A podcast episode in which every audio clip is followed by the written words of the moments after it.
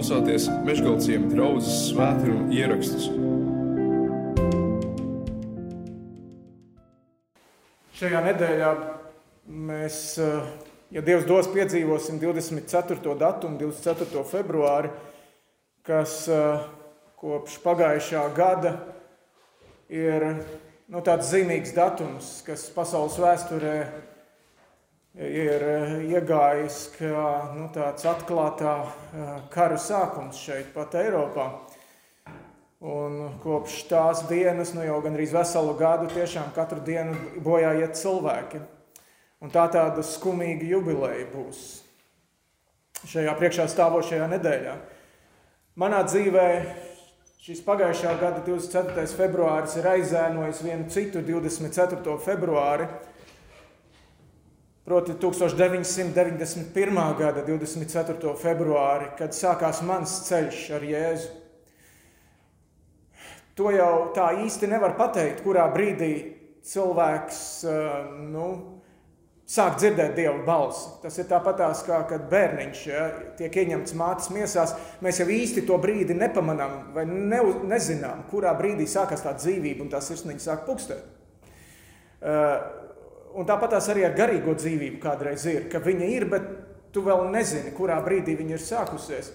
Eh, bet šis 1991. gada 24. februāris bija diena, kad es nostājos draudzes priekšā, izgāju un apliecināju to, ka kaut kas ir noticis, ka kaut kas, ka esmu dzirdējis Dieva balsi, es vēlos tai atsaukties.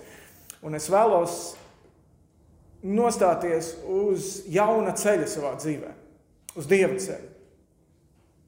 Un uh, šo gadu laikā uh, tas, tas gājiens ir bijis dažāds. Es, es esmu priecīgs, ka es esmu šī ceļa. Un tomēr tas gājiens ir bijis dažāds. Dažreiz smagāks, dažreiz vieglāks.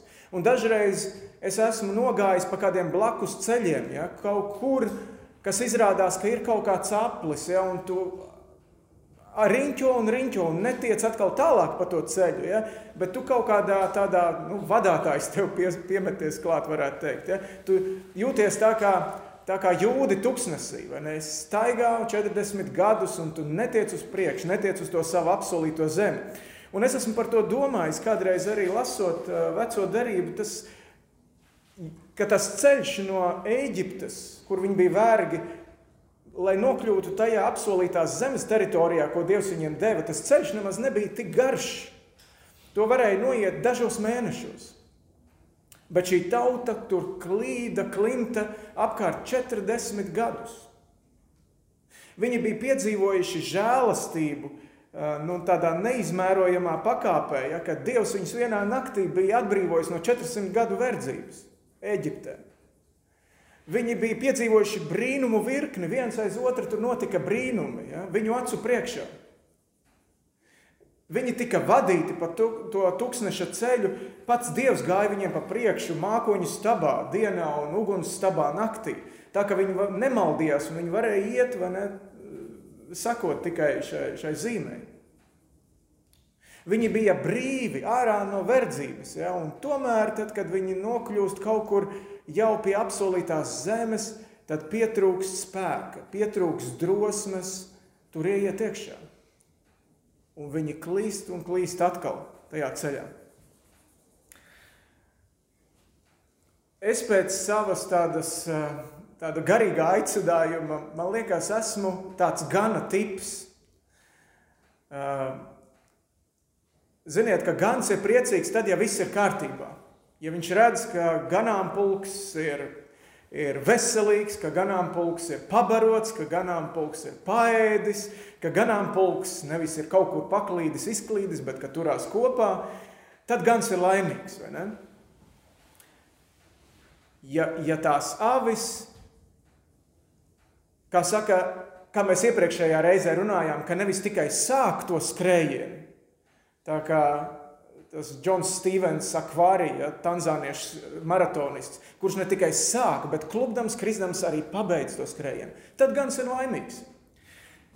Ebreju vēstules autors arī man šķiet, ka es viņu lasu, man šķiet, ka viņš arī ir gans un viņam rūp, kas notiek ar viņa avīm, kas notiek ar viņa draugu, kas notiek ar viņam uzticētajiem cilvēkiem. Un viņš viņiem saka, mācieties no vēstures. Mācieties no vēstures. Un šajā garajā uh, fragmentā, ko Justs un Jānis lasīja, tur ir vairāk vārdu, kas atkārtojas. Un es gribu runāt par trīs no viņiem, par trīs vārdiem. Tā ir atduse, tā ir ticība, un tas ir vārds šodien.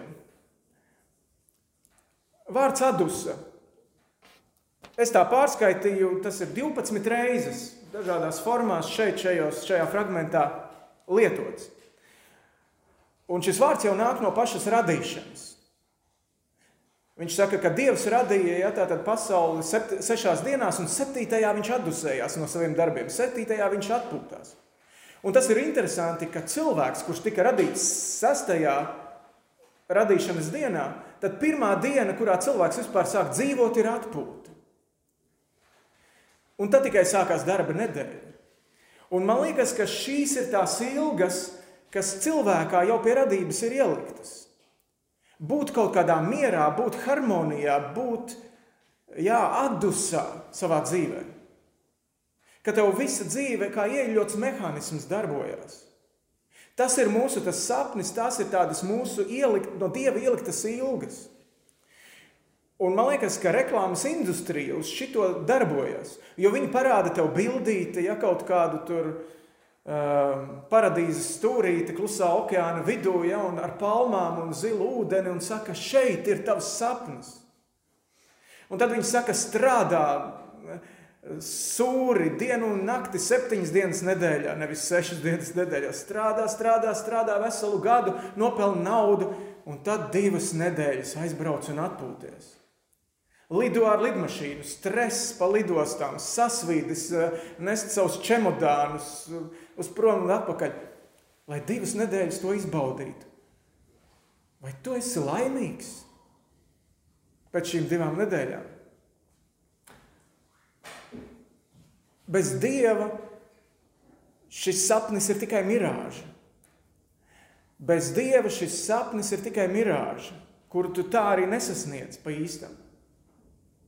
Kādu laiku atpakaļ lasīju uh, par, par notikumu, kur Jēzus ar saviem mācekļiem pārceļas laivā pāri, pāri uh, jūrai un nokļūst Geraz, Geraziešu zemē. Pie, tur ir tāds uh, nu, apsēsts cilvēks, viņam skrien pretī, Gerazietis. Ja, nu, un, Un, un es tā domāju, šis gerazietis, šis apsēstais, trakais cilvēks, no kura visa tā apkārtne bīstās, kurš padara uh, nedrošu visu to apkārtni, viņš būtībā ir brīvs cilvēks, ja tā ņem. Viņš ir brīvs, nekas viņu nesaista. Visi viņi ir mēģinājuši sasiet viņa rokas, kājas, lai viņš netrakotu. Viņš visus sarauj, salauž. Viņš ir brīvs. Viņš ir brīvs iet un darīt un atpūsties, kā vien ienāk prātā, bet viņš dzīvo kapos. Kaut arī tā apkārtā zeme bija auglīga, zaļa un tā tālāk, viņš dzīvo kapos. Ar visu savu brīvību. Viņa iekšā miera nav. Un, un, un tas, ka viņā nav šis miers, tas viņu spiež darīt pāri sev. Viņš ir vardarbīgs pret sevi, viņš ņem akmeņus un dauza sevi. Un viņš, eh, viņš ir vardarbīgs arī pret apkārtni. Tur nav droši pa to ceļu staigāt.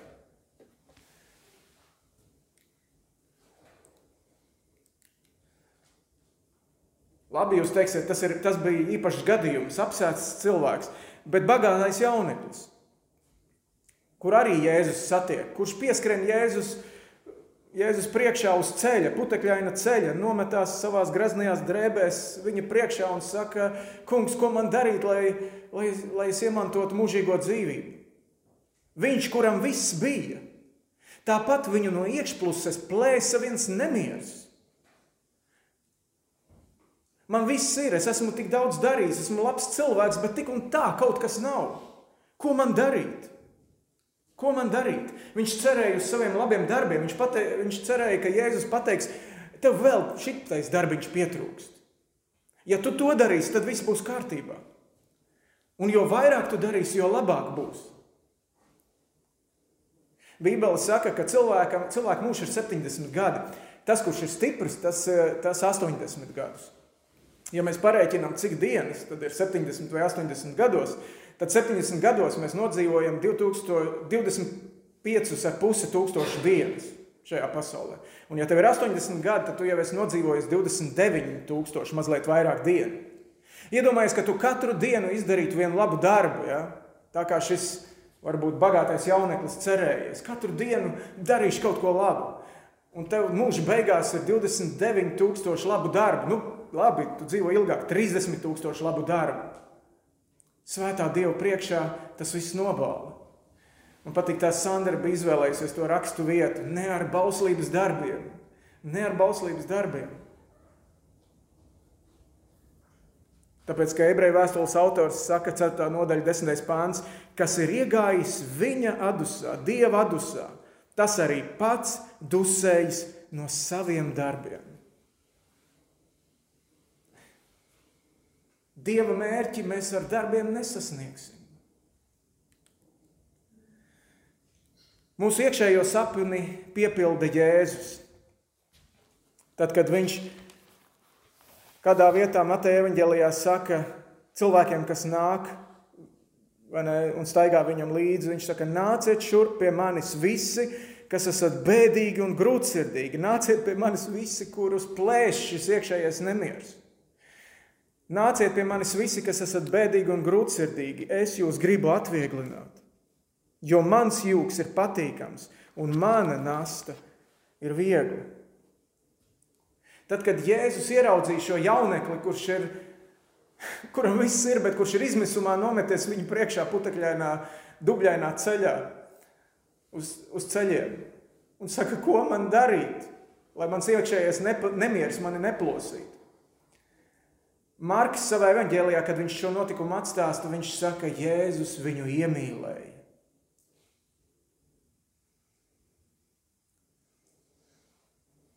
Pie šī gerazieša pāri jūrai tā izskatās pēc evanģēlīja teksta, ka Jēzus devās speciāli. Viņš otrā pusē jūrai neko citu neizdarīja, kā tikai satika šo vienu iekšēji nemiera dēmona plosīto cilvēku un atbrīvoja viņu no tā leģiona ar, ar tumsas eņģeļiem, kas viņā mājoja. Viņam nebija cita mērķa, kā vienīgi doties pāri jūrai, šo cilvēku atrast. Tāpēc, ka Bībele saka, viņš ir nācis meklēt un glābt pazudušo. Tas ir viņa mērķis, tas, tā, tā ir viņa sirds ilgas.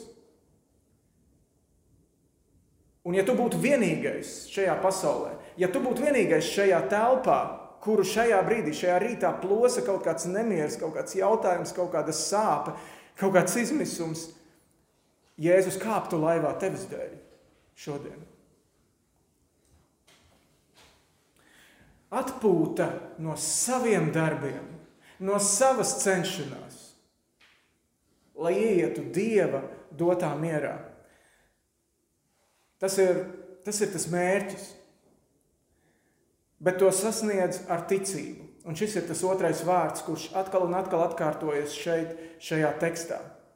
Ar ticību, ne ar saviem darbiem. Kādā citā gadījumā pie Jēzus atnāca viens izmisis tēvs vārdā Jāirs kurš nāk un meklē Jēzus palīdzību, tāpēc ka viņa meitiņa ir slima. Viņa 12-gadīgā meitiņa guļ slima uz nāvi.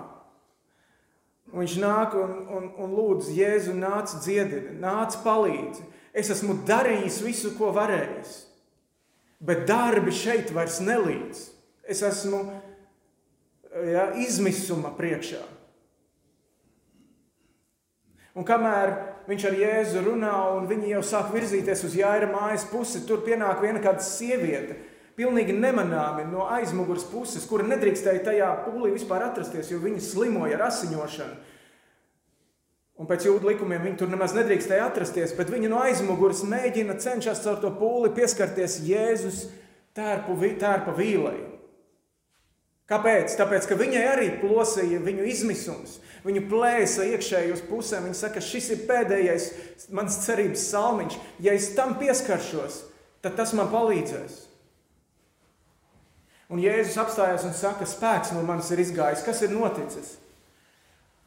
Un tā sieviete saprot, ka viņa nu, nav palikusi apslēpta, viņas darbs un viņas dziedināšana. Viņa nāk un liecina, tāpat kā Līga, tāpat kā Arthurs, ja pirms brīdiņa šeit priekšā nāk un liecina, ar mani ir noticis brīnums, esmu dziedināta. Ja? Un ko Jēzus viņai saka? Jēzus viņai saka, tava ticība. Tava ticība tev, tev palīdzējusi, tava ticība tev ir dziedinājusi. Un tajā brīdī jūs saprotat, Jānis jau mīņājās, laiks iet uz priekšu, mana meitiņa mirst, ko Jēzus šeit kavējās. Un tu, tuvojas Jāira nama kalpi un saka, liec mierā, mācītāju, ir par vēlu. Tava meitiņa ir nomirusi. Ko Jēzus Jāiram saka? Tici tikai. Un viņš dodas tik un tā uz Jāira namu, un mēs zinām šo stāstu, ka Jēzus šo bērnu atkal atgriež dzīvē. Redziet, ticība ir tā roka, ar ko tavs izmisums tverās pie glābšanas.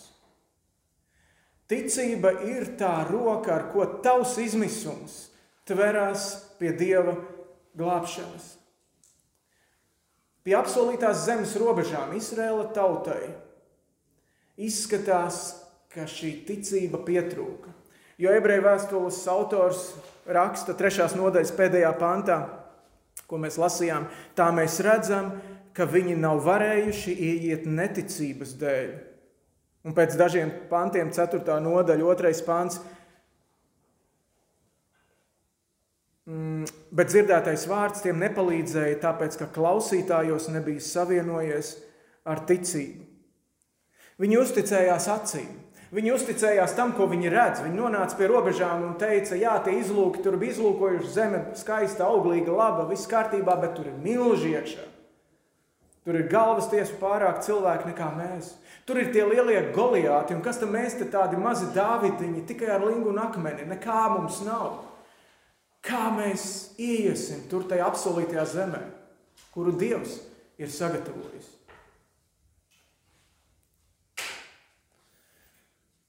Ja mēs pašķirtu tālāk, tad uz priekšu tāpat vēstulē ebrejiem 11. nodaļa, 1. pāns definē, kas tad ir ticība.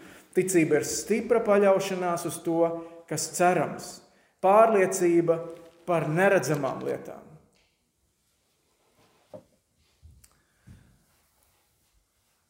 Jēzus ir glābējs, kurš prasa visu uzticēšanos vai neko jauneklis pēc šīs sastapšanās ar Jēzu, mēs lasām, viņš aizgāja bēdīgs. Tāpēc, ka viņš ticēja saviem spēkiem. Viņš ticēja saviem resursiem. Ja Jēzus būtu teicis, izdara vēl kaut ko, viņš to būtu izdarījis. Ja? Tāpēc, ka viņš ticēja, ka viņš to var. Ja viņš uzticētos tam, ko Jēzus viņam teica, tad viņš atdusētos. Tad viņš būtu iegājis tajā mierā. Tāpēc, ka ebreju vēstule 4, 3. Nodaļa, 4. nodaļa, 3. pāns saka, jo mēs, kas esam ticējuši, ieejam atdusā. Bez jebkādiem bet, jā, bet, labi, bet. Jo katrs bet, ko tu pasaki Dievam, Tas nozīmē, ka varbūt tu neesi sasniedzis to izmisuma robežu, kurā tev vairs nav citu variantu. Vai, ne? vai nu arī tu, tu netici, ka šis te glābšanas riņķis tevi noturēs, ja tu uz viņu paļausies.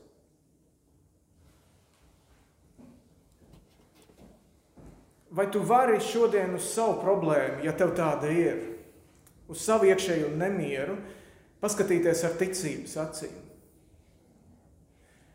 Kas ir tas, kas tevi traucē ieiet tajā dieva apsolītajā zemē, tajā dieva brīvībā, tajā dieva atpūtā, dieva atdusā?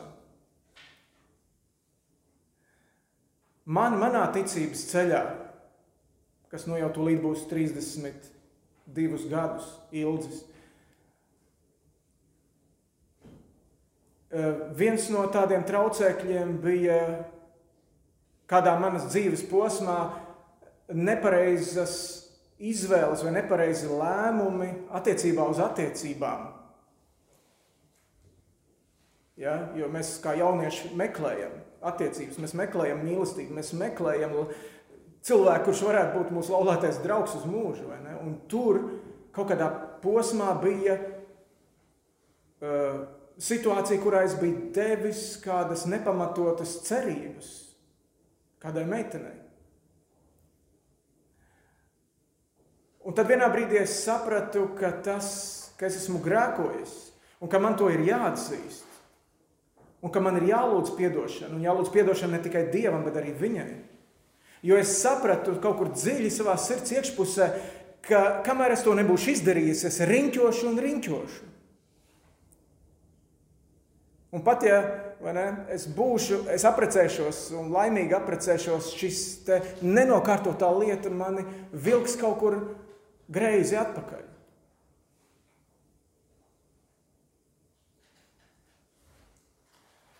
Un tas nebija viegli, bet esmu priecīgs, ka esmu to izdarījis. Un tagad varu dzīvot laimīgā, laulībā, tīrā, priecīgā. Kur tu esi kļūdījies? Varbūt arī tu esi grēkojis attiecībās ar kādiem cilvēkiem.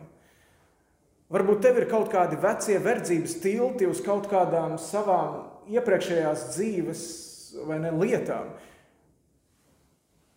Kur ir tie grābekļi, kur tu atkal un atkal uz tiem uzkāp virsū, kuri nav novākti no tava dzīves ceļa? Kāpēc mēs bieži vien labāk maldāmies zināmā tuksnesī, nekā ejam uz nezināmu apsolīto zemi? Kādi milži tevi biedē? Dievs ir ar tevi ja tu esi savu dzīvi uzticējis viņam, es runāju par Dieva bērniem, tagad, ja, kuri savas dzīves ir uzticējuši viņam, tad Dievs ir ar tevi. Šajā tuksnesī, tūkstneša ceļojumā jūdi nepazaudēja savu identitāti. Pat ja viņi kļūdījās, pat ja viņi maldījās un bija spiesti par to tūkstnesi maldīties 40 gadus, viņi nepazaudēja to, ka viņi bija Dieva tauta. Dievs joprojām bija viņu tēvs, Dievs joprojām bija viņu dievs. Identitāti viņi nepazaudēja. Ja tu esi kļuvis par dieva ganāmpulka aitiņu, tad tu paliec aitiņa, kaut arī tu esi noklīdusi un aizmaldījusies tālu, tālu prom, kur tavam ganam ir jāiet tevi meklēt. Tavu identitāti tu neesi pazaudējis, tu esi dieva bērns, dievs ir ar tevi, bet kas tevi biedē? Un tāpēc ir šis trešais vārds, kam gribu šodien pievērst laiku un uzmanību lai tava nepaklausība un lai tavas bailes paliek vakardienā. Kas bijis, ir pagājis. Viss ir kļuvis jauns. Pāvils saka otrajā vēstulē korintiešiem, un Artūrs to teica no atklāsmes grāmatas. Redzies, visu daru jaunu. Jēzus saka. Šodien ir žēlastības diena. Šodien var šis var tikt spērts šis pirmais solis māju virzienā. Zinat šo stāstu, ko Jēzus stāsta, man liekas, ka tā ir viena, ja ne viss spēcīgākā līdzība Jēzus stāstītā par pazudušo dēlu. Ka pazudušais dēls, kurš bija pateicis, Tēvs, man nav nekādas darīšanas ar tevi vispār, tu priekš manis esi miris, atdod man mantojumu, un tad viņš to mantojumu bija noklenderējis, noklenderējis. Un tad ir kaut kāds brīdis viņa dzīvē. Ir tā diena, ir tā šodiena, kurā viņš pie cūku silas, viņš saprot, ka kaut kas nav pareizi un ka ir jānotiek pagriezienam šī brīdī. Un tajā brīdī pēc cūkas silas tas notiek. Viņš saprot, ka viņam ir jāsāk iet, viņam ir jāsāk spērt pirmo soli. Un tas ceļš no silas līdz tēva mājām ir kaut kādu gabalu garš. Un varbūt nav nemaz arī tik viegls visādā veidā. Ja? Tas ir tāls un grūts, bet ir jāsāk, ir jāspēr pirmais solis, ir jānostājas uz tā ceļa, kas iet atpakaļ uz tēva mājām. Tāpēc, ka nav pareizi bagātnieka dēlam būt pie silas. Dieva tautai nav pareizi būt Eģiptē. Dieva tautai nav pareizi atrasties tuksnesī. Ķēniņa dēlam, ķēniņa meitai nav pareizi staigāt skrandās un ubagot savā garīgajā dzīvē. Pirms 32 gadiem, kad es spēru to soli, tas nebija viegls. Tajā dienā tas nebija viegls. Jo, ziniet, kā atzīt, ka nu, publiski parādīt, ka tu gribi nocirst visu veco ne, un nostāties uz jaunu dzīves ceļu, tas nav tik viegli. Nebūtu nav viegli. Ir balss ausīs un galvā, kas saka, citreiz, citreiz, nākošreiz. Un vienu reizi es jau biju palaidis garām.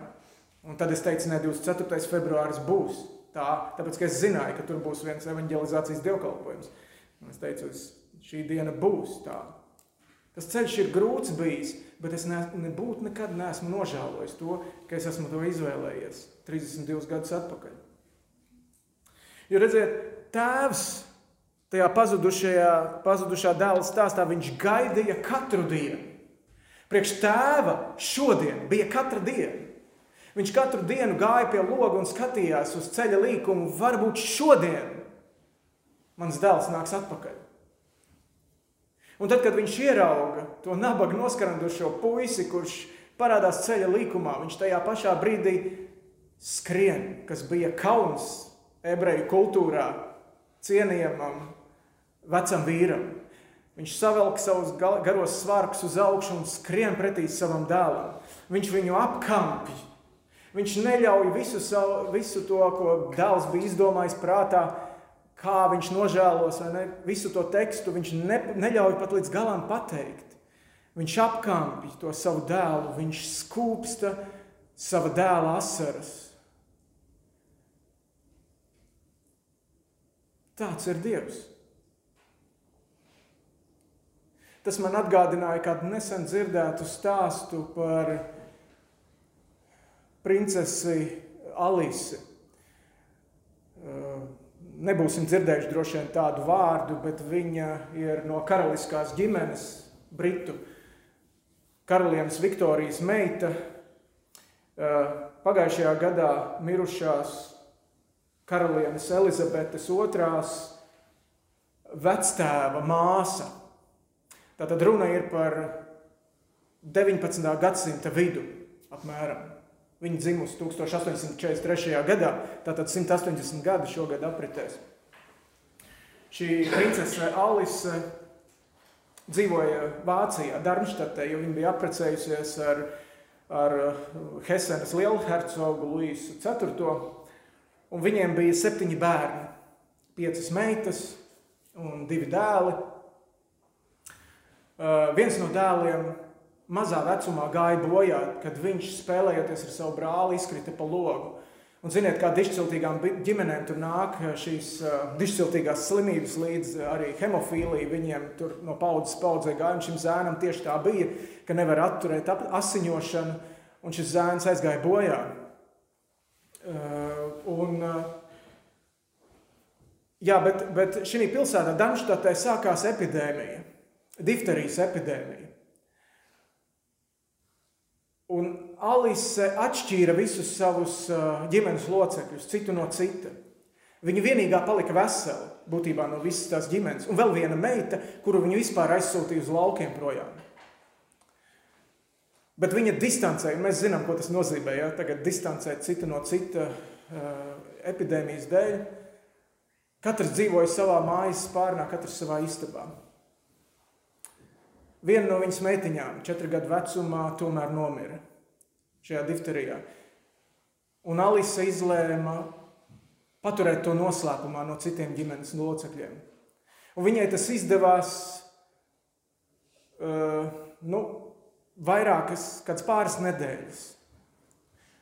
Un tad viņas vienīgais dēls, Ernests, kam tobrīd bija desmit gadi, Viņš sāka interesēties un prasīja. Viņš, viņš teica, es neesmu par, par māsiņu neko dzirdējis. Ne? Kur, kas, kā viņai iet? Un Alise atklāja patiesību šim zēnam, ka māsiņa ir mirusi. Un no sākuma Ernests neticēja tam, viņš noliedz to, tas nevar būt. Ka vēl viens mans, no maniem brāļiem, māsām ir aizgājis bojā. Tas nevar būt. Un tad, kad viņš to saprata, kad viņam tas pieleca, viņš sāka nevaldāmi raudāt. Viņš sāka nu, raustīties konvulsijās. Izmisuma asaras ritēja par viņu vaigiem. Un tajā brīdī Alise, kā māte, pārkāpa tās pašas nospraustās robežas. Viņa pietuvojās savam dēlam, apkampa viņu un skūpstīja viņa asaras no vaigiem. Un tas maksāja Alises dzīvību. Pēc desmit dienām viņa mira. Ernests izdzīvoja.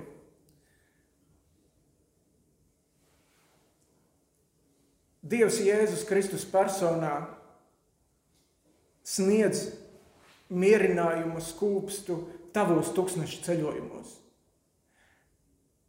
Un viņam šis skūpsts nozīmēja nāvi, lai tu būtu mierināts. Bet viņa nāve un viņa augšām celšanās mums atnesa mieru ar Dievu. Mums tikai atliek ticēt un atliek tajā ieiet. Un kāpēc gan mēs šodien?